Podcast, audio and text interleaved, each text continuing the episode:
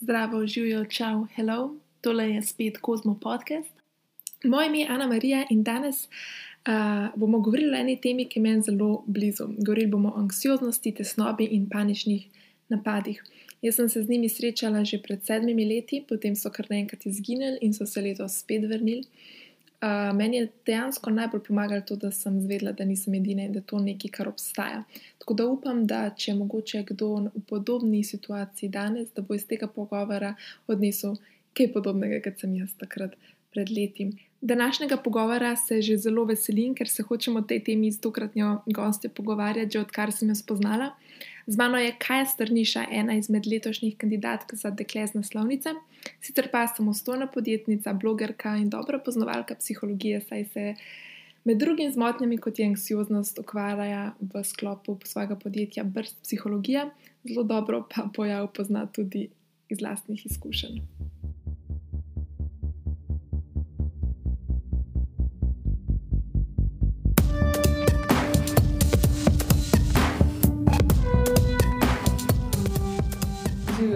Kako si kaj? Uh, v redu, dobro.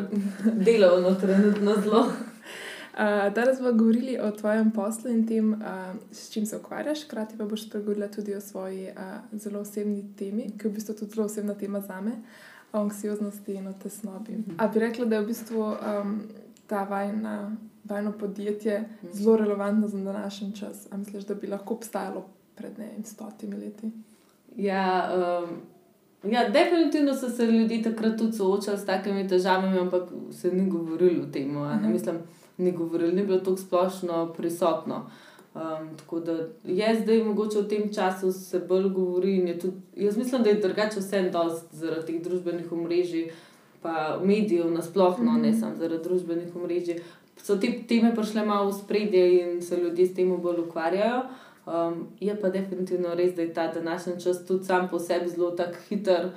Pa intenziven, uh, ful veliko informacij prejemamo vsakodnevno, vsi se zdi, da nekam hitimo, pa sami sebi delamo neke pritiske, kaj vse bi mogli v življenju početi, pa delati. -hmm. In tako se mi zdi, da ljudje se mogoče res več soočajo s takimi težavami, kot so se v preteklosti. Oziroma, mogoče z drugačnimi. Ljudje so skozi uh, doživljali neke zelo težke obdobja. Ne? Naprimer, v času vojne to so bile take stvari, ki jih zdaj si sploh mogoče ne predstavljamo, ja. da bi doživljali, pa so vse šli čez to. Mm. Mi pa zdaj v bistvu živimo v enem najbolj varnih ja. obdobij, najbolj udobnih obdobij, vse nam je. Na, na, na hladnem položaju, pa še vseeno doživljamo neke stiske, ki so tako pogoste, da so včasih, ne vem, zdaj, zaradi tega se več govori o tem, aj ta čas res tak. Da, ker jaz res uh, dobivam sporočil veliko, pa tudi ko govorim, polk jaz govorim o svojih težavah. Pa mogoče hitreje tudi drugi povejo, in se mi zdi, da se res to ful pogosto pojavlja. In, ne vem, pred mm -hmm. vem, desetimi leti mogoče sploh nismo govorili o teh stvarih, zdaj pa res mm -hmm. veliko tega. No.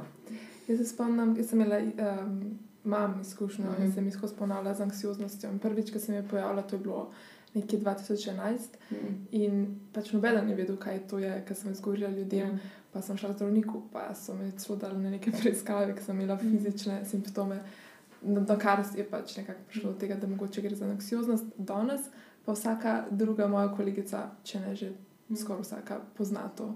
Um, ti si tudi v bistvu imela mm -hmm. to izkušnjo. Ali lahko malo poveš o tem, ja. kako si ti to doživljala? Zanimivo, jaz sem imela v bistvu zelo podoben. Bi, Dlo bi si kdo mislil, da imam doma mami psihologinjo, da jaz pa uh, takoj, ko sem to začela, mislim, da je ona že opazila, oziroma da um, se, sem pa hitro jaz opazila, ampak niti malo ni tako bilo. Uh, meni se je to pojavilo prvič, čisto še preden sem začela v zbrst psihologijo delati. Oziroma, sploh se ukvarjati, nekaj, da me to začelo zanimati. No, se mi prvi začeli, so se mi začeli prvi znaki pojavljati. Ampak, tako, kot si ti umenila, je bilo tudi pri meni najprej zelo fizično. Jaz sem bila, imela res, res hude glavobole, vrtoglavice na vsakodnevni ravni, polival me po telesu, srce mi je tako razvijalo, da sem mislila, da mi bo odpadlo in to se je tako res, mislim, da mi bo Mhm. počel. In to se mi je res čez cel dan pojavljalo. In v bistvu, jaz nisem več govorila, o čem razmišljam takrat, ali pa se pogovarjala o tem, meni se je to samo dogajalo. Zato mogoče lih to je pri teh psiholoških stvarih, ne, to lahko na vidi zelo prekri, prekriješ. ne. In jaz takrat pač uh, mi je bilo ful strah, ful me je skrbelo, ampak nisem govorila o tem. In pa bil sem logičen, tudi pol, ki sem omenila, res me skozi me glava boli, skozi se mi vrti, da mogoče res nekaj fizičnega. In jaz sem takrat šla na vse možne preiskave, na magnetno resonanco, k nevrologom, k kardiologom, k vsemu. Ampak vs- tudi zdravniki takrat niso mi tako rekli, da bi lahko psihično bilo, ampak um, so me najprej dali na preiskave, ker je pa meni sam še poglobil nek strah, Strah, pa ja. strpane. Ampak uh, polno, šele čez nekaj časa, ko se je, uh, ker pač so bili rezultati v redu. Uh, so pol, pač je mami meni sama rekla. Mislim, že prej mi je rekla, da mogoče pa to psihično, da je to anksioznost, oziroma pa, en, imela sem par paničnih napadov že vmes. Ampak jaz si tako najprej nisem verjela, ne, da ne, da Ja. ne, ni šala, meni se to ne dogaja, mislim, kje. Da imam jaz psihičen problem, ne, sto posto, da je. Ne. Ampak polka je pa res, so bili vsi rezultati ok, sem pa mogoče pol počasi začela sprejemati, da je pač dejansko uh, anksioznost, ki je bila pa pri meni zelo posledica izčrpanosti, pa po velike podvrženosti stresu. No, tako, ker pa tudi nisem si priznala. Ja. Se to misliš, Mislim- da je vse v redu, mislim, zakaj Ja. bi ti lih, pa nič ni tacka, se ti ni zgodil. To, meni je bilo to ful grozno, pa se jaz imam vse, mislim, Ja. ja. meni nič ni grozno na življenju, vse je vse v redu, zakaj se mi to dogaja. Ja. Pa ta stres, no, meni se je zdelo to čisto normalen. Meni je bilo normalno, da sem malo pod stresom, Ja, yeah, meni je bilo ja. to tako dobro. Jaz sem mislila, da jaz rabim to malo, ne, Ja, ta ja. adrenalin, ta drive. Jaz sem skozi mislila, da je v redu, samo ker se to nalaga, nalaga, Mhm. nalaga, ker je tega preveč, ker se ti ne umiriš, pa enkrat ima telo dosti in pač Mhm. ne zmore več. Tudi eh, meni se je fuz zdelo, da sem bila to pr, prvič, ko se mi je dogajalo, pr, ne vem, 23-24 stara. Uh, se mi je takrat zdelo, da pač pri mojih letih, pa moj telo, pač, zakaj bi ne bi zmogel tega Ja. vsega, ne? kako da ne. Tudi zdaj se mi je, da niti malo ne počnem preveč stvari, meni se zdi čisto normalno, da meni cele dneve ni doma, da Ja. se sploh ne umirim, da telovadim, da hodim na faks, pišem magistrsko diplomo, zraven delam dva, dva, dve službe, se družim, zraven žuram, vse, to je bilo meni čisto normalno. Ja. Ampak pač ne, mo- ne zmoremo vsega ne? in Mhm. včasih je to težko sprejeti. Ja. Ja. Kako bi pa opisala panični napad, Kaj, ka- kako je zate to zgleda, oziroma kako to sploh zgleda, Kaj ne vem. Ja, Ja. kako ločati? Ja, jaz bom najprej zdaj, najbolj da opišem svojo prvo izkušnjo, zaradi tega, ker je bil ta v bistvu do zdaj tudi naj, se mi zdi najhujši ta prvi. Mhm. In uh, tudi zaradi tega, ker je bil tak, kot je bil, sem, sem jaz res mislila, da je telesno nekaj narobe. ni- No, se vsak paničen napad zelo telesen? Ja. zelo telesno ga doživiš, zaradi tega je to tako nelogičen. Mislim, da to ne moreš dojeti, Ja, da, da ja. je tudi ni samo te. Da ni nekaj telesno narobe. Ne? Ja. No, jaz sem pač eh, po eni zelo neprespani noči eh, šla domov iz morja s kolegico in so se vozile uh, proti avtocesti in sem jaz kar naenkrat, prvo mi je bilo, da, sem, da je meni kar naenkrat rata čist, čist vroče. Zunaj je bilo normalno 15 stopinj, jaz sem pa tako se potila, da ne znam povedati, sploh- mislim, čist, meni je bilo kar 35 mm. -hmm. stopinj. Uh, imela sem pa čist mrtle roke zraven, suha usta, popila sem po mojem že 3 litre vode, jaz pa čist suha usta. Uh, pa ful, ful, ful mi je bilo slabo, tako nenormalno mi je bilo slabo. Lih tudi sem pojedla in jaz sem mislila, da je zato, a ne. da pač nekaj da sem pojedla, čuden, tudi pač, kot sem rekla, ne prespana noč je bila. In, uh, tako, takrat so se mi začeli najprej mi, zdaj to vem, takrat ti tako nisem, ne. da so se mi začeli pismo, je to normalno, da meni da je meni tako slabo, da me to poliva, da, ker se mi tudi pol je bilo začel tok srce razbijati, da je bilo, jaz sem imela puls po mojem na 200, mislim, pa ne res ne pretiravam na 200, tako po umirovanju sem bila. In mi, da se peleva in jaz kar naenkrat. Začne se meni tok srce, da sem, da sem, sem sam še temo videla in sem začela na sedežu sam tres, tres, čist. Pač, in jaz se sploh ne spomnim dobro točen tistih par sekund, ko je bilo, mm -hmm. ampak jaz sem, da sem srce čutila v glavi in da meni se zdelo, da je počo. To je bilo čez 200, 100 posta.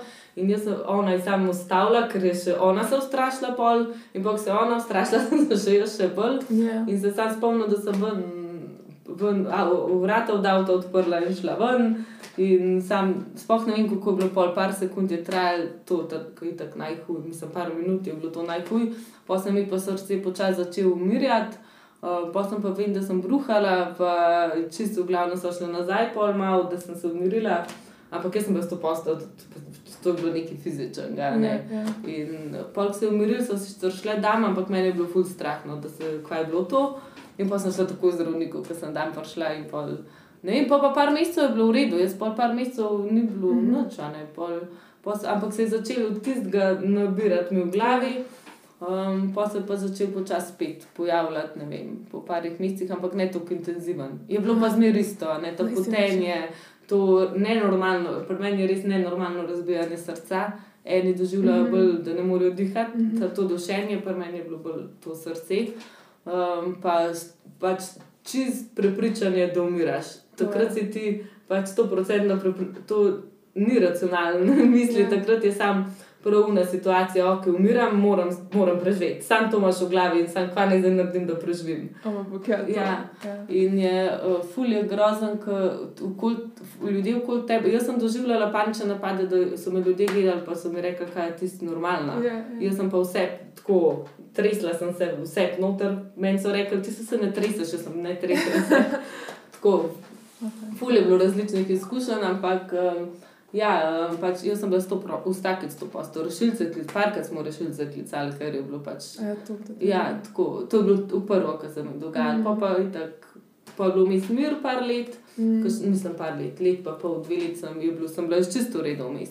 Pa se mi pa spet pojavljala, ampak v drugo, ni, mislim, v prvo, so, tako bom rekla, v prvo so bili panični napadi hujši, v drugo sem bila pa ful bolj izčrpana, pa je bila pol ta anksioznost, pa mogoče ta agorafobija, se pravi pred, strah pred samo paniko. Ja, Je je. bil pa veliko hujši, pa veliko dlje je trajal, da sem bila v redu, veliko, Mhm. veliko daljno. Ta, mislim, pri meni je zelo bila izgorelost, tudi zelo velik faktor. No, tako, Mm.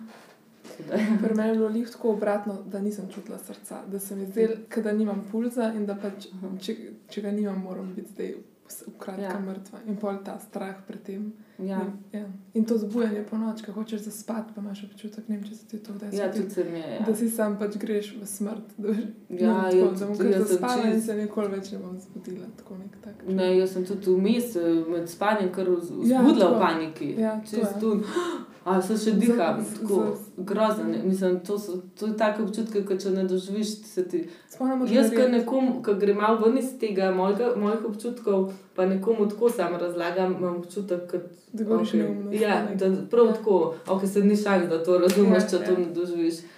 Ko pač ti ni logično, kako če si v redu fizično, če ti nič ni, ne umiraš, zakaj ti si takrat to. Pač, ker tvoja reakcija telesna, pa tvoje misli so iste, kot če bi res bilo nekaj nevarnega. In lih zaradi tega je to tok naporen za telo, pa to težko ven iz tega pridete, ne? Mm. ker doživljaš isto, kot da bi bil res v nevarnosti. Mm. Um, kaj so pa v bistvu tako, recimo, te simptomi, ki so nekako mogoče vedno isti pri ljudeh, zdaj, ki se s tem malo ukvarjaš? A so Mm. kakšni tako ključni simptomi, ki si jih že večkrat zapazila? A pri paničnih, a pri anksioznosti nasploh. Recimo pri anksioznosti. Ja. Če govorim zdaj o anksioznosti, nasploh je uh, pač večinoma so te misli, da je nekaj narobe. Mhm. Um, ampak to je mogoče že takrat, ko si v bistvu ti že dosta v tem. Mislim, da je to prva stvar, ko opaziš, da je res nekaj narobe. No. Uh, misli so ful, veliki in jaz mislim, da tudi, ko jih spremeniš, pa ja, se stvari spremenijo. Pač uh, ta pritisk, ki ga sebi dajemo, pa da ne vem, mislim, vsake stvari so zdaj jaz lahko ful stvari različnih in zdaj tukaj, da pa eno sam izpostavljam, mm. zdaj le. Ker ne znam, ne znam dati skupaj. Ampak, uh, ja, no, to misli, da je nekaj narobe s tabo, recimo, je zelo veliko pogosta. Pa, ta, pa imaš ti nefunkcionalne misli, pa n- miselne napake, ne vem, se zelo velikokrat pojavljajo. To, recimo, perfekcionizem je dosti Mhm. mm -hmm. prisoten pri ljudeh, ki skozi hočejo neko popolnost ali pa ta pritisk, da moraš nekaj, da moraš nujno narediti nekaj, drugače ne bo v redu. Pa um, kakšne, ne vem, izločanje pozitivne stvari, da sam razmišljaš o teh uh, slabih. To so take miselne napake, ki se velikokrat pojavljajo pri ljudeh, ki imajo anksioznost. Pa, um, ja, ne vem, to bo zdaj prva, tako, ki mi pade na pamet. Um, če si se pa ti tako naučila iz te izkušnje, sa, iz svoje. Ja, meni je to pač res čist spremenili. Jaz Tako, mogoče na zunaj tako ne zgleda, pač osebnostno sem jaz še zmeraj ista, pa vse. Ampak uh, pač pogled na svet imam pač čist drugačen, tako tudi do drugih, fulber razumem druge ljudi. Mogoče to včasih ni dobro, ker sem preveč razumevajoča, pa preveč pol pustim, da drugi uh, se obnašajo do mene, kot se. Ampak dobro, to se je tako čist skozi cel življenje.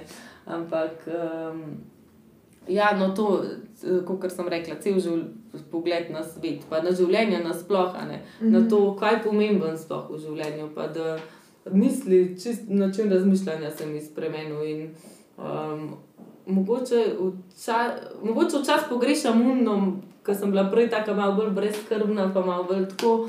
Ampak se mi zdi, da vsem bolj, bolj zrelo razmišljam. Mm -hmm. Pa tudi, če se nisem najmlajša, se mi zdi, da ful bolj odraslo, kot prej. No, tako mm -hmm. delujem. Um, pa, ne vem, zdi se mi, da po eni strani, polka to daš čez, se ti zdi, imaš res občutek, da je vsak problem boš premagal. res, tako zdi se mi, da ti res daje eno moč. Če sem to čez unšla, čez un najhujš, čez yeah. Ja. unk, sem mislila, da mi bo srce skočil sam ven, pa da bom res pač umrla desetkrat že. Um, če sem to dala čez, bo pa tudi ostalo, ostalo, ostale problemi, pa res manjši izgledajo, razen kakšni, pač, ki so realni, kakšne mhm. bolezni, to ostalo pa. Ostalo je pa samo tako kakšen izpiten rok, vse en, noč, to ni noč. Ja. Ampak se ti kdaj zgodi, mislim, naj pa imaš skozi nekako zavesti to, da lahko pride nazaj ali pa da moš paziti, ja. da se ti ne bi ponovili. Ja, tako. definitivno. To je pa ena stvar, ki se jo še kar učim, pa jaz eh, se sem rekla. No, me, moj, moj ta najhujši obdobje je bil zdaj, prav dve leti pol nazaj, dve leti nazaj. Mm -hmm. In recimo, da sem jaz, da, da rečem, da jaz mislim, da sem v redu, še, še ni še čist en let, recimo osem mesecev tam nek. Mm -hmm. No, in jaz še zmeraj, kamorkoli grem v kakšne situacije, ki se spomnim, da sem doživela paniko, oziroma da sem doživela hudo anksioznost, hudo neprijetnost. Jaz sem še zmeraj napeta mm -hmm. in uh, jaz še zmeraj nisem čest sproščena, in še zmeraj se moram paziti. Ampak se učim, pač težko je nazaj priti v vsakodnevno delovanje, pa v tiste stvari, ki si jih prej normalno počel, ki si enkrat pač to doživel. Ampak uh, imam ene prijeme, pa tehnike, ki jih pač takrat uh, se uprimem na njih in mi je pa lažje. Mm -hmm. Naprimer, zdaj lahko dam nekaj en tak primer, ker sem ja. bila zdaj na Kaninu tale vikend in grem jaz uh, uh, sama na gondolo, pol ure gondola na Kaninu. Uh, pele, jaz sem se že preden sem, šla, na, uh, sem prišla do kanina zgubila, ker me je garme na robe pelal. Tako da je bila že to prva stvar, da sem bila vsa živčna, ker sem zamujala. Ampak sem tako, to me še ni tako uno anksioznost, ampak bila sem, bila sem napita, ker sem videla, da moram hitro pridati. In pol jaz na gondoli in se kar naenkrat ustal. In tako uh, gondola je stala tako pet minut, ker ponovadi to pol začne hoče jeti, ne, ja. to pa kar stal. In jaz v tistem trenutku sam, jaz sem zaprta, kuj ti slabe ja, misli. Ja, ja. In sem sam tako rekla, ok, zdaj pa stop, ti misli ti noč ne pomagajo, um, zdaj sam pogledam, pa razmislim, kaj lahko zdaj narediš. In sem ok, lahko imam telefon, signal imam, pokličem gor, bojo mi, če bo karkoli vejo, da sem tukaj, me bojo že ven spravili. Ja. Ok, zdaj pa umir telo gremo dihati in sam najprej dihanje, ker dihanje je pač prva stvar za umiritev, najlažja, pa naj, najboljš, najboljša tehnika pač za sprostitev je dihanje. Tako da sem pa nekajkrat globoko dihala, pa sem pa tako, ok, zdaj pa opazuj zunanje, ne se ukvarjati z mislimi, s telesom, gledaj, kako je lepo. In pa sem ven začela gledati, pa sem vmes res poklicala. pa sem vprašala, kaj je to z gondolo, sem mi povedala, da je helikopter pristajen, da bo takoj. In pa se je počasi začel premikati, in jaz sem se umirila. Uh mhm. -huh. pač, če bi bila pa prej v tistem slabem obdobju, bi pa verjetno no, šit. zaprta sem, ko bom prišla, ne morem dihati in pol bi sprožila neke telesne reakcije, ki bi lahko vodile v eno paniko. Ja, ja. Se mi zdi, da včasih tudi, ki veš, kje jih dobiš, kje se ti ponovadi čaka Mhm. panika, da se lahko še bolj napsihiraš, zaradi tega, ker Ja, greš proti definitivno. njej. Ja. Definitivno, mislim, jaz sem, jaz, to je bilo pri meni vse, od avionov do uh, na začetku, ki je bilo res, res hudo, tudi do nakupovalnih središčih. Jaz sem vsakeč, ko sem šla, enkrat sem jih tam zgodila, jaz vsakeč, ko sem šla, um, sem bila čist napeta, čist živčna, ampak pol to počasno izpostavljanje. Pa, To res, mis, mislim, način razmišljanja, pa samo govor, ki ga imaš, je fulane. Mm. Pa tudi to, sprostitev telesna, vse skupaj. In včasih je tako, kot pri telovadbi, da mišico ne treniraš, rabiš nekaj časa. Um, in isto je pri tem. Pač mm -hmm. Moraš nekaj časa rabiš, da se navadiš teh mm -hmm. situacij, v katerih si prej se počutil, ko si bil to težko obdobje, neprijetno. Ne? Mm. Pa po mojem se moraš s tem strahom na nek način soočati. Ne vem, jaz sem imela letos, ne to se di Ja. letos, da ne, se zdaj mislim, da gre počasi stran. Mhm. Um, da se, sem se bala biti za volanom, kar naenkrat. Nekaj, po mojem, sem bila priča parim nekim Ja. situacijam, kjer bi se lahko zgodil. In sem imela celo prav hiperventilirati, sem začela enkrat za, Mhm. na volanom in sem mogla nekako iz ceste zapeljati, in polo takrat naprej sem vsakeč se bala Ja. ja. usest. Potem pa kar tako, pač nekako nisem razmišljala, raz, eh, kupila karto, da gremo v Ameriko na road trip, ker bi se Ja. mogla v Ameriki voziti avto. In jaz pač, šele takrat, ko sem tja prišla, sem se spomnila, da se bojim voziti avto. Pozabila, Ker da se pozabila sem, ne vem zakaj, pač sem med Mm. drugimi stvarmi zaposlena. In pol, ker sem tam vozila vsak dan avto v tujini, pa vse bilo v redu, se mi zdi, da sem prišla nazaj zdaj nimam več Ja. ja. strahu. sem Ja, moraš se ne. Drugače je tako, dobro je pri tem izpostavljanju, sicer da greš počasi, še posebej, če je zelo hudo. Ja, Da, naprimer, recimo za avto. Jaz sem imela isto takrat, ko je bilo zelo hudo za avto, tudi nisem upala lih zato, ker če je panika v avtu, pa Ja, sredi ker nič avtoceste, nima- je res grozen. Ampak da se vse. Pač se me, meni je tudi urek panika v avtu, pa sem pač. uh, Zdržala do naslednjega izvoza, pa šla dol, pa, pa malo ustavila, Ja. pa sem mami klicala, sem umirila, pa šla naprej. Pač. Ampak eh, se mi zdi, no, da je ta pot, b- boljše, mislim, boljši, ni nujen, to vsak ima svoje. Ampak uh, jaz sem pri drug- večini teh stvari, ki sem se bala, šla kar postopoma, da sem recimo rekla, ok, zdaj bom šla pol ure sama v avto, pol šele eno uro sama v avto, uh -huh. pol ne vem, dve ure sama v avto, zato da sem imela v redu pa prijetno izkušnjo. Mhm. Zato, ker najbolj je to, ti moraš pač dobiti nazaj prijetno izkušnjo, v redu, da si miren, da je vse kul, cool, pa pa počasi grejo te strahovi mimane. Je pa včasih tudi v redu, no, da se kar vržemo v stvari, ampak eh, problem je sam, če imaš pa neprijetno pol. Ne, da imaš takrat, ko se ti kar vržeš, pa da se ti takrat pol nekaj zgodi, sam potrdiš ti svoj strah. Ja. In pa lahko pride, lahko greš ful korakov nazaj. Zaradi mm Mhm. tega so te stvari pač. Um, ampak ni nujno, da lahko tvegaš. Ja. Kakšne stvari tudi ne moreš počasi. Jaz sem imela z avionom to ne, težavo. Mhm. Pač na avion ne morem zajeti 5 minut, pa 10 minut. Ne. Pač Ja. greš, ok, Mhm. eno uro lahko, ampak. Ja. Um, ampak no, sem šla zdaj je neparkrat, pa počasi zgubljam to, to fobijo svojo. Da. Um, kako pa si v bistvu izkorenila, mislim, izkorenila, verjetno ne moramo reči, ampak Ja. tako, kak, s temi majhnimi vajami, pa z zavestnim um, ozaveščanjem anksioznosti, ali je bila kakšna, st- si mogla pozdraviti kakšen vzrok, ki je globje, da se je to nekako nehalo. Ja. Um, ja, kot sem rekla, da je meni se zdi, da je anksioznost, zdaj, ko sem jo sprejela, pa vse kar zmeraj nek prisotna. Mhm. Pač včasih malo manj, včasih malo bolj, eno obdobje izgine, ena pol malo pride nazaj. Ampak uh, jaz, meni je pač več stvari pomagalo in mislim, da ni bil zdaj samo ena stvar, ki bi mi, ki Mhm. mi, me iz tega nekako, ki mi pomaga. Da bi rekla, da zdaj mi pa sam, ne vem, sam sproščanje mi pomaga in da sem v redu. Pač Ja. se mi zdi, da mi skupek stvari. No, uh, prva stvar je to, da sem se jaz odločila, da bom brez tablic pomagala, zaradi tega, ker veliko, ne vem, sem, jaz sem si, skozi, sem si rekla, če me je telo to prpelo, pa moji možgani bojo tudi iz tega in pač ne bom jemala Ja. yeah. tablet, ker tudi baj, več kot 50 postov ljudi, ki jih jemlje, ki jih neha nazaj, pač se jim, Ja. jim začne to pojavljati. tablete za anksioznost? Um, večino dajo kar antidepresive, zaradi tega isto, ker se v, v teh hormonskih hormoni, mm. ki so pri pomankanju, isto pri depresiji. So, ja, in ja. Uh, pomaga pač, da se ti ne vzburi živčen sistem pri napadih. Tako.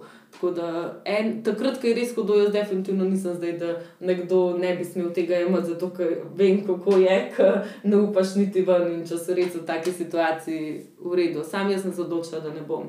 Tako prva stvar, to sem zato povedala, ker uh, enim to pomaga, pa se mi zdi tako. Ja. Um, da, no, jaz pač sem se odločila, da ne bom. In pa uh, druga stvar, ki mi, mislim, v bistvu meni najbolj pomagala, je pač definitivno to, da sem razumela, kaj to je. Jaz, mm -hmm. jaz sem pač tak človek, da moram vedeti vse, mm -hmm. da se moram raziskati. In jaz sem res prebrala vse možne stvari, pa z mami se seveda pogovarjala, ker je psihologinja. Tudi, uh, nis, ne vem, res sem šla v raziskovati, zakaj do tega pride, uh, kakšni so načini soočanja. Vse sem si mhm. prebrala, ne vem, rabila sem razumeti in meni je to pomagalo. Um, pol je bilo pa pač, ko sem vse razumela, je bilo pa treba nekaj narediti, zdaj za res. In uh, glede na to, da imam vedensko-kognitivna terapeutka, pa psihologinja, sem jaz pač kar po teh principih vedensko-kognitivne terapije, sva šla mm -hmm. postopoma pač čez vse. In sem ugotovila, da sem zelo, malo sem tak stvaren človek, tudi ne čist, ampak majčkan. In ta vedensko-kognitivna je ful taka, da dela na nekih prepričanjih, pa mislih, ki jih imamo, pač prepričanja imamo ena res čist zakorenjena tudi misli so doskrat avtomatske, jih ne zaznavamo. In pol, ko smo začeli s temi vajami, um, sem pač ugotovila, da je res, um, kot pravijo, zelo veliko v glavi. Mm. Ampak uh, je, ni kar tako lahko spremeniti svojega načina razmišljanja. Se ti, kajšno misel, že lahko spremeniš, tako kot jo opazuješ, ampak prav način razmišljanja, pa mm -hmm. pogled na svet, pa prepričanja, pa percepcije, ki jih imaš, pa kako se ti odzivaš na posamezne dogodke. To pa ni kar lahko in je kar dela, da ti spremeniš te vzorce, ki si jih prej toliko časa, v bistvu cel življenje delal. Tako da ta stvar je meni ful pomagala, pa pač sproščanje vsem, zato ker sem že po naravi zelo tak. Ne, mislim, jaz sem zelo tako hitra, pa vse malo nemirna, tudi moj živčni sistem je zelo tak, hiter se vzburam. Yeah. Ja. Tako na različne dejavnike, zunanje, no, kako yeah. Ja. koli. In jaz sem se mogla naučiti umirjati, ker se pač res nisem znala. Tako da pr, bile, jaz sem res probala vse tehnike, od dihanja do progresivne mišične relaksacije, čuječnosti, pač joge, uh, do medicinske hipnoze. In v bistvu mi meni medicinska hipnoza je bila prva stvar, ki sem se res po, počutila sproščeno. Pa mi je bilo to ful presenetljivo, ker sem mislila, da jaz res nisem za to. Ampak mami tudi ima no, narejeno medicinsko hipnozo in so probale nekaj različnih in meni je to ful, prvič sem se res prostila v tem obdobju s tem. Pa, mhm. pa kasneje pa joga mi je tudi pomagala, ampak to mogoče kasneje, no, pa ko sem bila že malo boljša. Um, pa ja, dihanje je pa osnova, pa te dihalne tehnike, mm. to je takrat, ko si res napet, res, da, mm. ali pa da preprečiš napad, no, za paniko sploh, za paniko res lahko, ja. full z dihanjem narediš.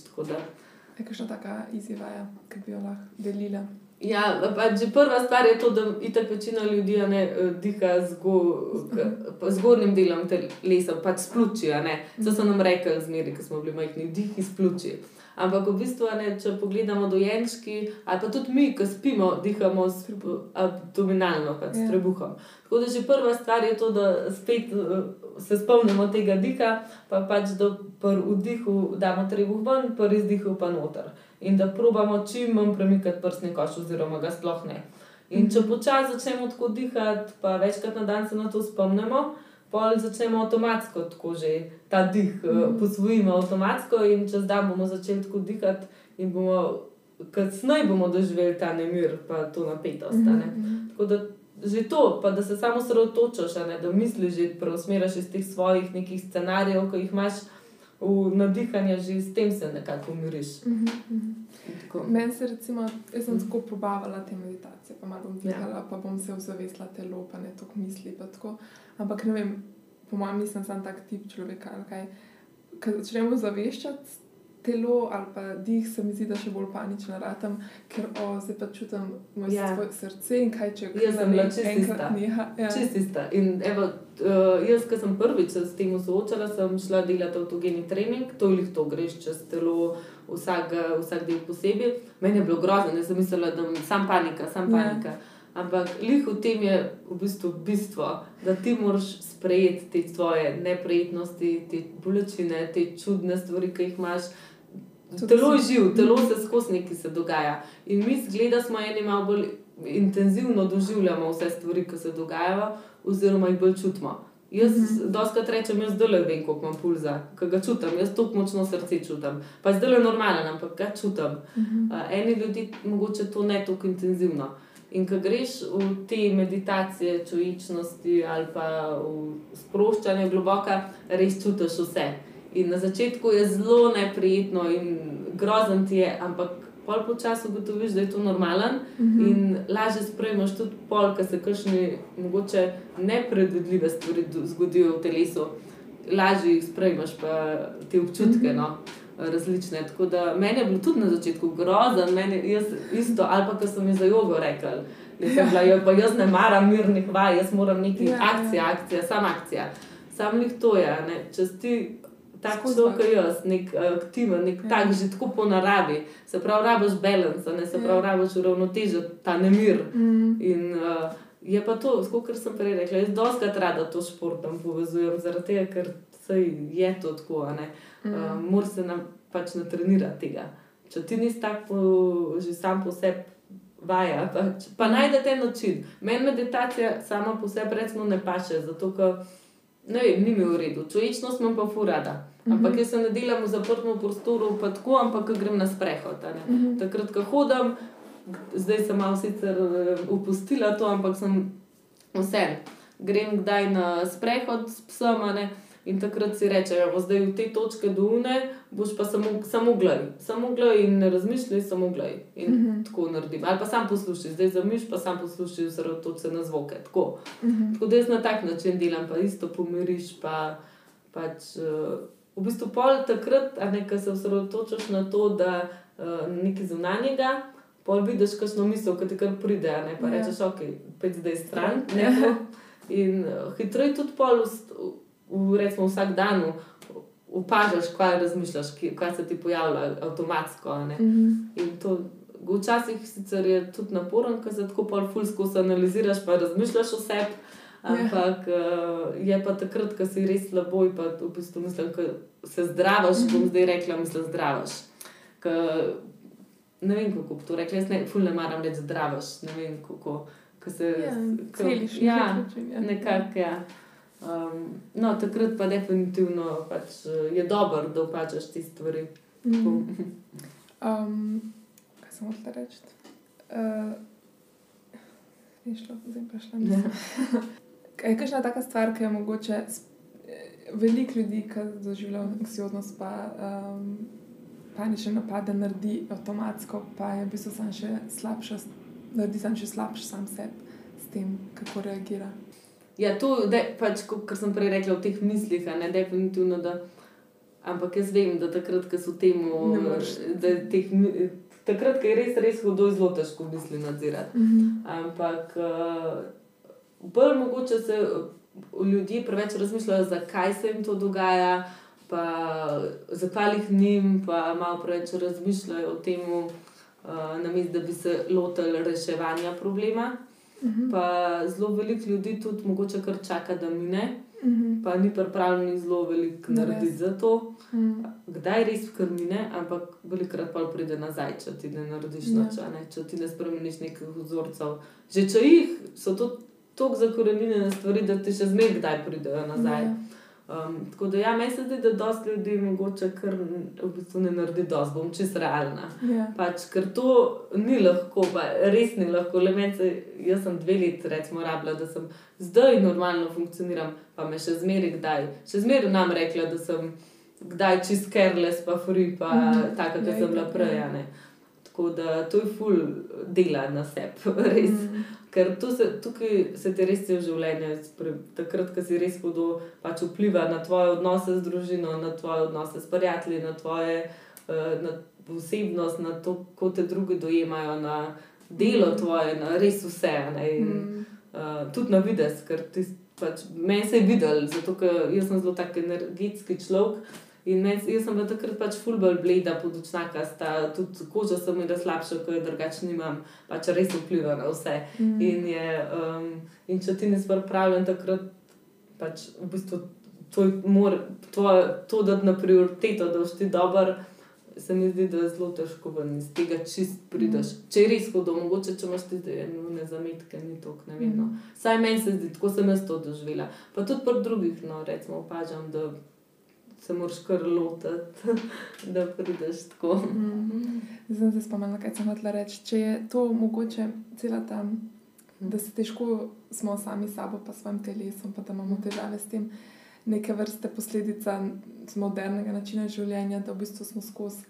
Ali smo v virtualnem življenju, ali smo v svojih mislih, ali smo nekje v prihodnosti, ali se celo obadamo s preteklostjo, da smo v bistvu ja. čist ne, ne v sinhroni tukaj in zdaj.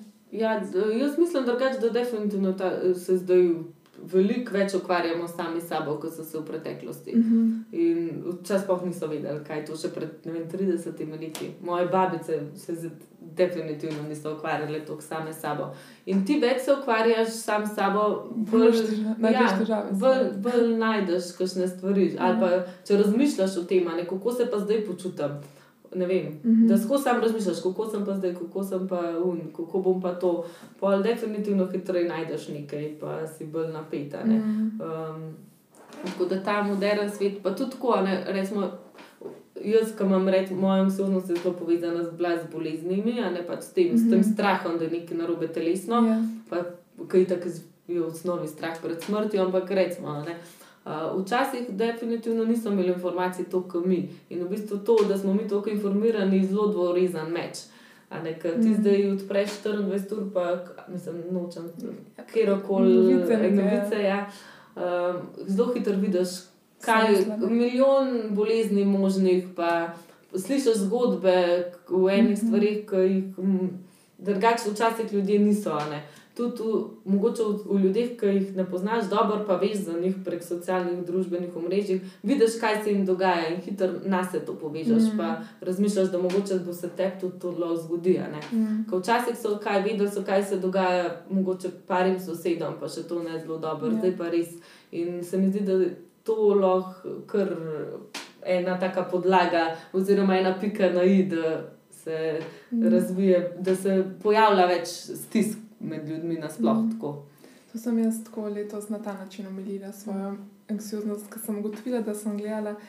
Pač ful me fascinirajo te recimo neke zgodbe, ki so malo mogoče tako na robu s kriminalnimi. Mm.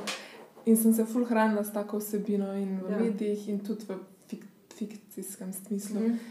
In se mi zdi, da mi je to nekako um, zavedanje, da živimo v nekem svetu, ki je mogoče res obsojen na propad ali pa ni več upanja in da mi je to sprožilo anksioznost in pa sem se rekla ne. In YouTube mi je skozi predlagal ne, take ja, vsebine, ja. ker sem to gledala. In pa sem začela druge stvari gledati in se mi zdi, da se je tako drastično spremenil stanje. Sam zato, ker sem se nehala hraniti. Jaz sem isto, um, pač to, ne ti algoritmi zdaj na uh mhm. -huh. družbenih omrežjih ali pa na YouTubu, kjerkoli, nam res ponujajo neko vsebino, ki oni predvidijo, da bo nas zanimala. In mi dobimo nereal, lahko zelo nerealen pogled na svet, ker vidim, v bistvu mi opažamo samo ene in iste stvari. In jaz sem delala, sicer to je malo drugačna tema, ampak magistrsko v samo podobi, um, pa vplivu Instagrama na mhm. telesno mm -hmm. samo podobo. In jih to je, ne? če se ti izpostavlja nekim profilom, ki prikazujejo neko stanje, ki ga želiš doseči, ti ga pa nimaš, zelo, zelo hitro pride -hmm. do tega, da si želiš nekaj nerealnega. In je ta lih razpon med realnim stanjem in nerealnim tokom.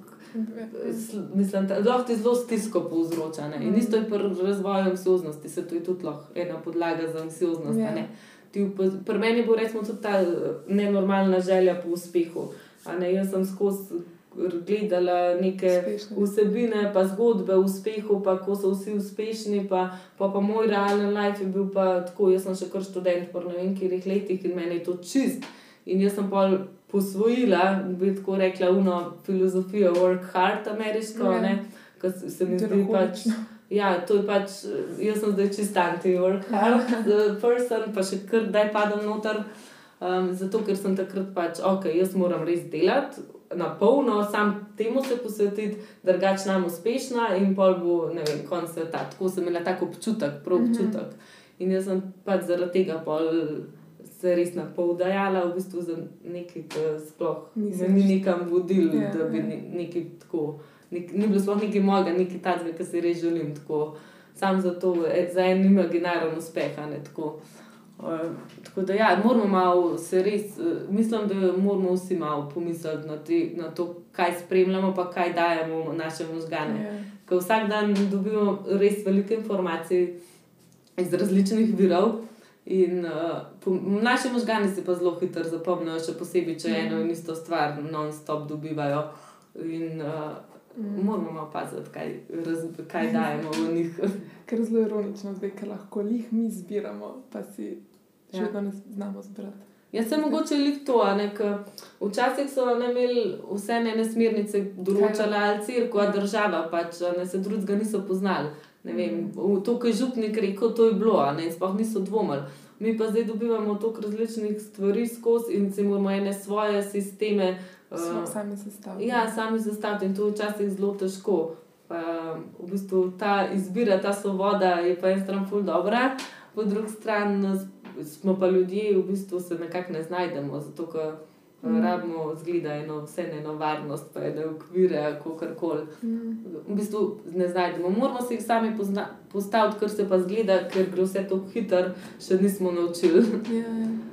Prej si rekla, da v bistvu, če imaš enkrat anksio- anksioznost, boš verjetno kar celo življenje nekako s tem živel, če tudi boš odpravil, se moraš nekako naučiti živeti s tem Ja. in jo sprejeti. Ti si rekla, da zdaj v bistvu živiš z, z, z njo. Ja, Sem jaz, ja, ja uh, mislim, jaz se zdaj ne čutim ta trenutek. Ne? Ja. Ampak vem, da bo lahko prišla, ne, pa ne vem.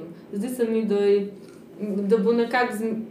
Da sem tak tip človeka, da bom lahko še kdaj doživela. Ne Ja. vem. Ampak se mi zdi, da ne zdi se mi več to nič strašnega. Pač zdi se mi, da Mm. uh, vse, kot sem rekla, jaz vem, kako je bilo res, res hudo. Mogoče je lahko še hujš, ampak vseeno, jaz imam ful občutek temu čist, da, da lahko pač, če se mi enkrat to bom še, lahko še Mhm. des, mislim, desetkrat. Pač. Upam, da ne, ne. Ampak se mi zdi, da enkrat sprejmeš, da se ti to lahko zgodi, um, se manj bojiš. Zaradi tega, ker takrat, ko se izogibaš temu, te možnosti, sploh, da boš neki, um, je sam še slabša. Ne? Zdaj Mhm. nekako sprejmeš, ok, lej, tudi če bom šla zdaj v eno situacijo, ki mi lahko sproši paničen napad. Um, pa vem, nekako bom že nek, se Mhm. soočila s tem, ker sem se že. Uh, In, uh, in pol, mislim, tako je. Če se zdaj izogibaš nekim situacijam, hipotetičnim, ki se lahko nekaj zgodi, pol nikoli ne boš res živel, oziroma užival v Mhm. lifeu. da uh, mislim, da Ja. sem malo zafilozofirala. Jaz rada filozofiram, tako da upam, da je bilo sploh to vse logično je, ja. povedano. Ja. Um, kaj pa socialna anksioznost? Je to tudi del te anksioznosti ali to nekaj drugega? Ja, ne, definitivno tako. Obstaja več se- različnih anksioznih motenj. Ne? Ja. Uh, neki so panične motnje, oziroma del panične motnje so pač panični napadi, pa imaš generalizirano anksioznost, to je to, kar v bistvu čutiš nek nemir skozi. Brez razloga, oziroma neke strahove, ki nimajo nobene podlage skozi daljše časovno obdobje, oziroma non-stop. Mhm. Um, pol, zdaj sem, pa, ja, pa, pa imaš te obsesivno-kompulzivne motnje, ne, pa uh, socialno anksioznost tudi. Zdaj, socialno anksioznost, jaz sicer nisem imela nikoli z njo osebnih izkušenj, vem pa, da jih ima zelo veliko ljudi, to je zelo pogosteje.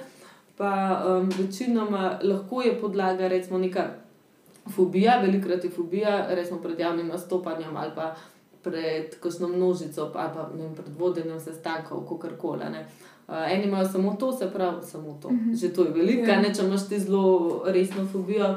Um, pa pa obstaja še ta del socialne anksioznosti, ki pa ima nekdo res strah pred interakcijo, interakcijo z drugimi, ne se pravi, pred stikom z ljudmi in se zelo težko odpre, oziroma že nav- navezuje kakršne koli stike. Mhm. Takrat je pa v bistvu to osebo spremlja nenehna anksioznost in uh, isto so nek, Za me se zdi še zmeraj pri takih stvarih najbolj, da posameznik obišče terapeuta, pa da skupaj postavlja neke temelje, pa neko pot, pa nek načrt, kako se s temi Mhm. stvarmi soočata. ne.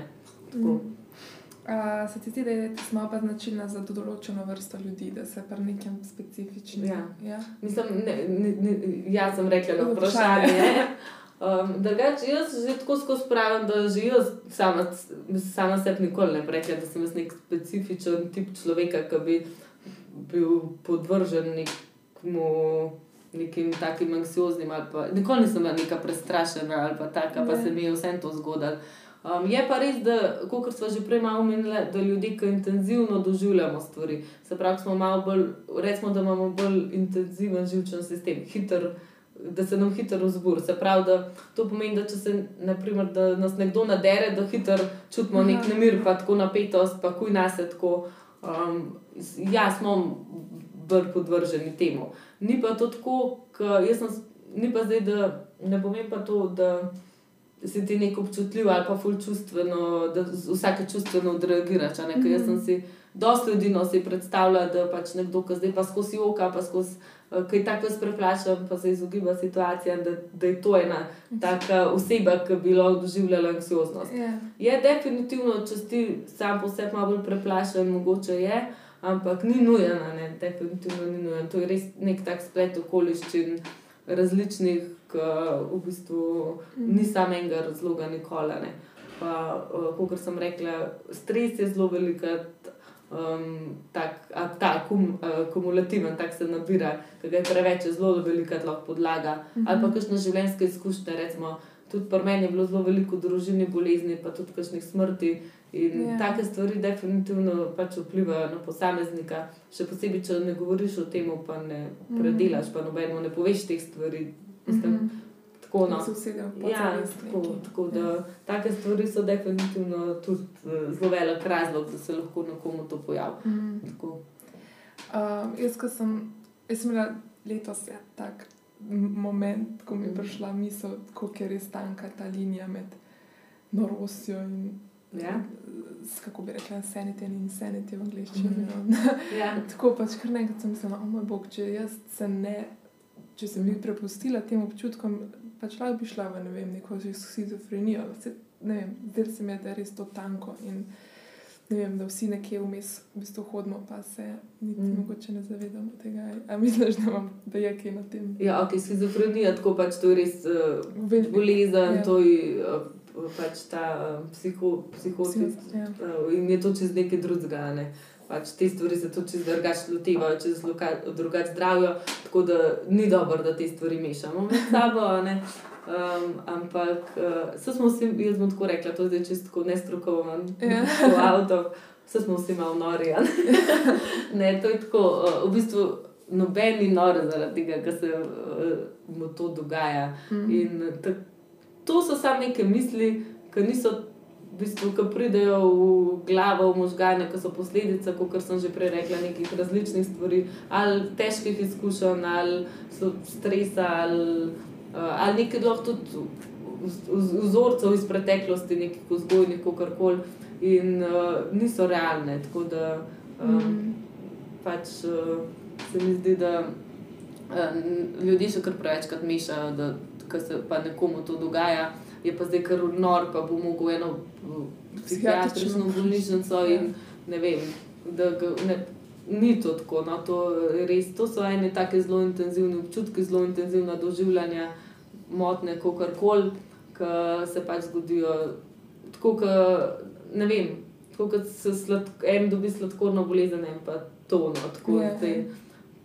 In ne vem, ko ima nekdo sladkorno, ko mislimo, da ja, pa razumemo te stvari, ki pa ena anksioznost. Se, pa, se mi zdi, da dosta ljudi še vedno misli, da je nekdo sam kriv, oziroma da se. Mislim, da misliš, pa se, se lahko odločiš, zakaj tako razmišljaš, pa da, da lahko preklopiš, pa, pa ne bo več teh, tega. Ne? In uh, ni čisto tako, no pač uh, realno se te stvari zgodijo tako, res, kar brez, da bi se zavedal, kar naenkrat so temu noter. Um, a se ti drugače zdi, da smo ljudje danes preveč obremenjeni, oziroma da se preveč ženemo in se žremo in tako Ja. sami sebe obtožujemo? Ja, se mi zdi, da tako kot sem že prej rekla, že ta filozofija work hard je ena tudi med temi. Pa, To so neke v bistvu uh, sodobne vrednote, mogoče Ja. jih svet ful poudarja za pozitivne, se pa jih izkažejo za zelo negativne. Ja, loha, ne pa tudi uh, uh, to bremenje. Mislim, to sekiranje se mi pa zdi, ne vem, ali je to tudi mogoče malo naša nacionalna stvar. Meni se zdi, da smo, nočem zdaj nekaj ful posplošvati, ampak vsem tukaj tega ful več opažam, kot pa recimo v kakšnih državah, ki sem bila v tujini. a ne. Um, se mi zdi, da ful smo naravnani k temu, da negativno gledamo na vse. Mhm. Nasploh eh, ta jamranje je tako zelo naš, naš tak uh, Ja. šport in hiter. In hitro začnemo iskati neke probleme, pa um, vse. In tak način razmišljanja je definitivno težko na svetu, nekaj pozitivnega. Mhm. Um, pa ja, to recimo, da ko je nek en problem, da se razmišljamo sam, zakaj je nastal. Pa v, v problemu razmišljamo, namesto da gremo v rešitve, to se zelo veliko Mhm. dogaja, se mi zdi. Um, ampak uh, drugače, pa ja, to, kar si rekla, da se ženemo za nečem. Ne? So pa, se mi zdi, da so vse ene take jake družbene smernice, ki so nam predstavljene prek različnih kanalov. Uh, in še posebej, mogoče ženske, ki imamo kar ene ideale, kakšne naj bi bile, a ne zdaj ta sodobna Mhm. uh, miselnost, da moramo biti pa uspešne, samostojne, neodvisne, um, dosti zaslužiti, um, dobro zgledati, Ja. yeah. fit biti, zraven pa še imeti družino, pa ne vem, popolno pospravljen dom, pa biti dobre mame, dobro vzgojen otrok. Kje? Mislim, to je čisto. To je v 24 urah, pa v enem življenju zelo težko. No. In, uh, se mi zdi, da se imeli jaz tudi s tem problem. Čist, uh, Mhm. um, ker imaš res občutek skozi, da uh, kar moraš te stvari. Vem, kada, če pa tega ne boš, pa ne, vem, ne boš kaj sprejeti, kaj pa vem. No, tako, Mhm. uh, in uh, moramo malo to, vsi se malo. Mislim, se, če se začnemo zavedati teh stvari, pa ene obrambne mehanizme pred temi.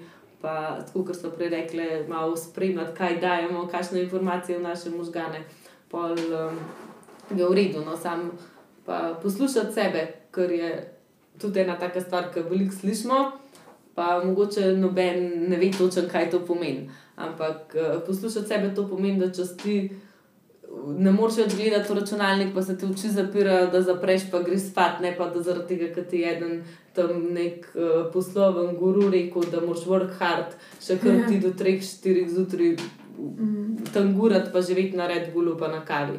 Take stvari, no, Mhm. moramo biti malo pozorni. Uh, kaj pa je, kako poskrbeti za mejo med tem zdravim in nezdravim stresom? Ja, um, zdaj, ta zdrav stres je ponovadi tisti, ki nas nekaj čaka, pa smo nervozni, pa nemirni, ampak še vsem čut, razmišljamo tako entuzijastično, pa nas ni strah, a ne? pa ko mi Mhm. čakamo, da se bomo lotili. Uh, nezdrav stres je pa pač tisti ponovadi, ki nas skrbi, pa smo napeti, pa ne vem, lahko imamo uh, ene boli želodec ali pa jim je slabo, eni glavobole dobijo, take stvari, zelo tako telesno tudi, ki doživljamo s temi psihosomatskimi simptomi.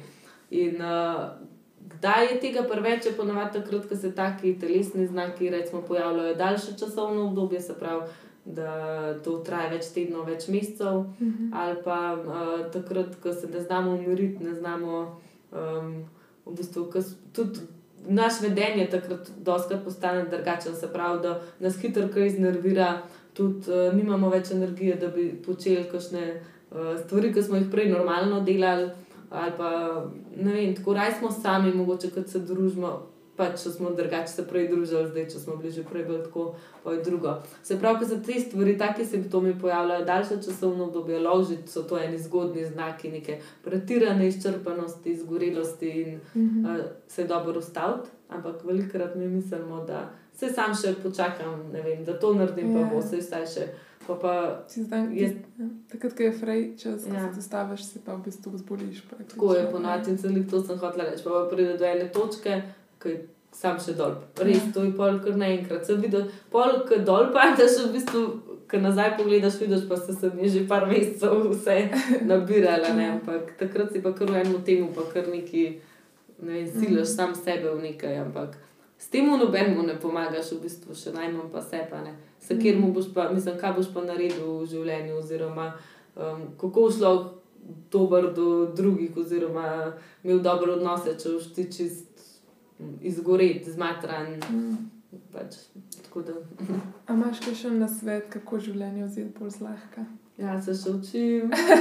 jaz bi se to ful rada naučila, ker jaz sem tako, kot ful stvari so že spremenila, vse, pa način razmišljanja, pa vse, ampak še kar kdaj padem v kakšno obdobje, ki me te skrbi. Oziroma, pri meni je bolj tono, pri meni je bolj ta želja po nekem, ne vem, ali uspehu, ali pa nekem, ne vem neki spopolnitvi, kako koli tako močna, da, sam, da kdaj padem toliko v to razmišljanje, kaj moraš še vse narediti, da pozabim malo tukaj živeti, ne mhm, malo mhm. na ta trenutek. Ampak, kot sem rekla, zdaj se tega zavedam, ne včasih se nisem, sem mm. sam v prihodnosti razmišljala. Uh, tako da uh, se mi zdi to, da se da probamo res čim bolj uživati. Vse to veliko ljudi pravi, pa veliko gurujo, pa vsega, ampak res, da probaš čim bolj uživati v trenutku, se mi zdi, da pa tudi ful lažje vse stvari, um, neki, mislim, bolj lahkotno, recimo, živiš. Pa, da, kot sem rekla, da pač res razmišljaš, da okay, večina problemov je res rešljivih, res zelo redek ni. In, um, pa tudi problemi so tako. To, kje so sploh realni, ne Eni samo v naši glavi, da se že teh stvari zavedamo. Ali je to zdaj realen problem, ali to res zdaj težava ali ni. Pa tudi tu nekaj so, ok, sam razmišljamo o rešitvah, pa mogoče se kdaj tudi malo prepustimo stvarem, da se odvijajo tako, kot se. In mm. pol, uh, pol, no, mogoče bomo bolj lahkotno živeli. Pa ja, še to sem hotel reči, da uh, probamo najti čim več prijetnih občutkov, zato ker. Uh, pač to, to je un balance. Če imamo mi zdaj skozi stres, pa skozi eno napetost, moramo to balansirati s tem, da doživljamo več pozitivnih stvari. Se pravi, da imamo pozitivna doživetja, da počnemo stvari, ki nas prostijo, nas navdihnejo, da smo v enem takmu stanju, ki Meni se zdi, da takrat, ko res počneš nekaj, kar ti je res dobro, kar res uživaš, poli tako pozabiš na vse, pa sam si. Mm. Najdeš nekaj takega, pač take stvari, sam probi, če več tega početa. okay. Zdaj, za konc podcasta še mm. uh, pet hitrih vprašanj. Hitrih. Ja. Um, stvar na tvojem telesu, ki, si, ki je še nisi vzljubila, in ena, ki imaš zelo rada. Ja, uh, nisem še vzljubila svojih. Uh, las, zato ker v bistvu imam fulminčenje. To, to mi je taka stvar, ki me zmeri, ker na vsake tok časa me čez začne nervirati. Um, stvar pa še druga je bila, da imaš zelo rada. Ja, v bistvu fulmam rada svojo pot, ne vem, da je to tako, ampak fulmin všeč, ko sem malo bolj temna, pa mi ni treba skrbeti za to. Uh, da bom kdaj rdeča, pa nekaj. Tako da upam, da mi ne bo zbledila, ker je pravi, da z leti malo zblediti. Če bi dokončala stavek, najbolj pogumna sem bila. Ko... Ja, meni se zdi, da takrat, ko sem šla na avion, pa nobenih, ne vem, pa sem bila mirna v bistvu cel let, da to je bilo ne dolgo nazaj. Tako da res, jaz sem se takrat pol ful pogumno počutila, ker imam pač res veliko fobijo eh, pred letenjem in zdaj jih ne dolgo. Res prav nazaj, glede iz Londona, ko sem šla lih pred dvema tednoma sem se prav dobro počutila, tako da to je za me ful. Eh, če bi jutri lahko nekam odpotovala in šla kamorkoli, kam bi šla? Uh, šla bi v Južno Afriko, že skozi me Afrika vleče in tja, ja, tja bi šla. Uh, kje je najljubši kos oblačila v tvoji omari? Um, Ja, kar trenutno te hlače, ki jih imam zdaj gor, navadne kavbojke, take imamo, džins so fulodobne in jih imam furada. za katero stvar si vedno vzameš čas? Uh, ja, za hrano. jaz res ful, ful sem gorman in fura, da jem. Tako da jaz pač lahko stavim čas za to, da grem jaz. hrana mi pa res number one. okay, super. Uh, hvala, Kaja. Ja. Članek o tesnobi in kajni osebni izkušnji si pa lahko prebereš tudi v majski številki revije Cosmopolitan ali pa se odeležiš kakšne delavnice uh, brez psihologije in se poslušamo.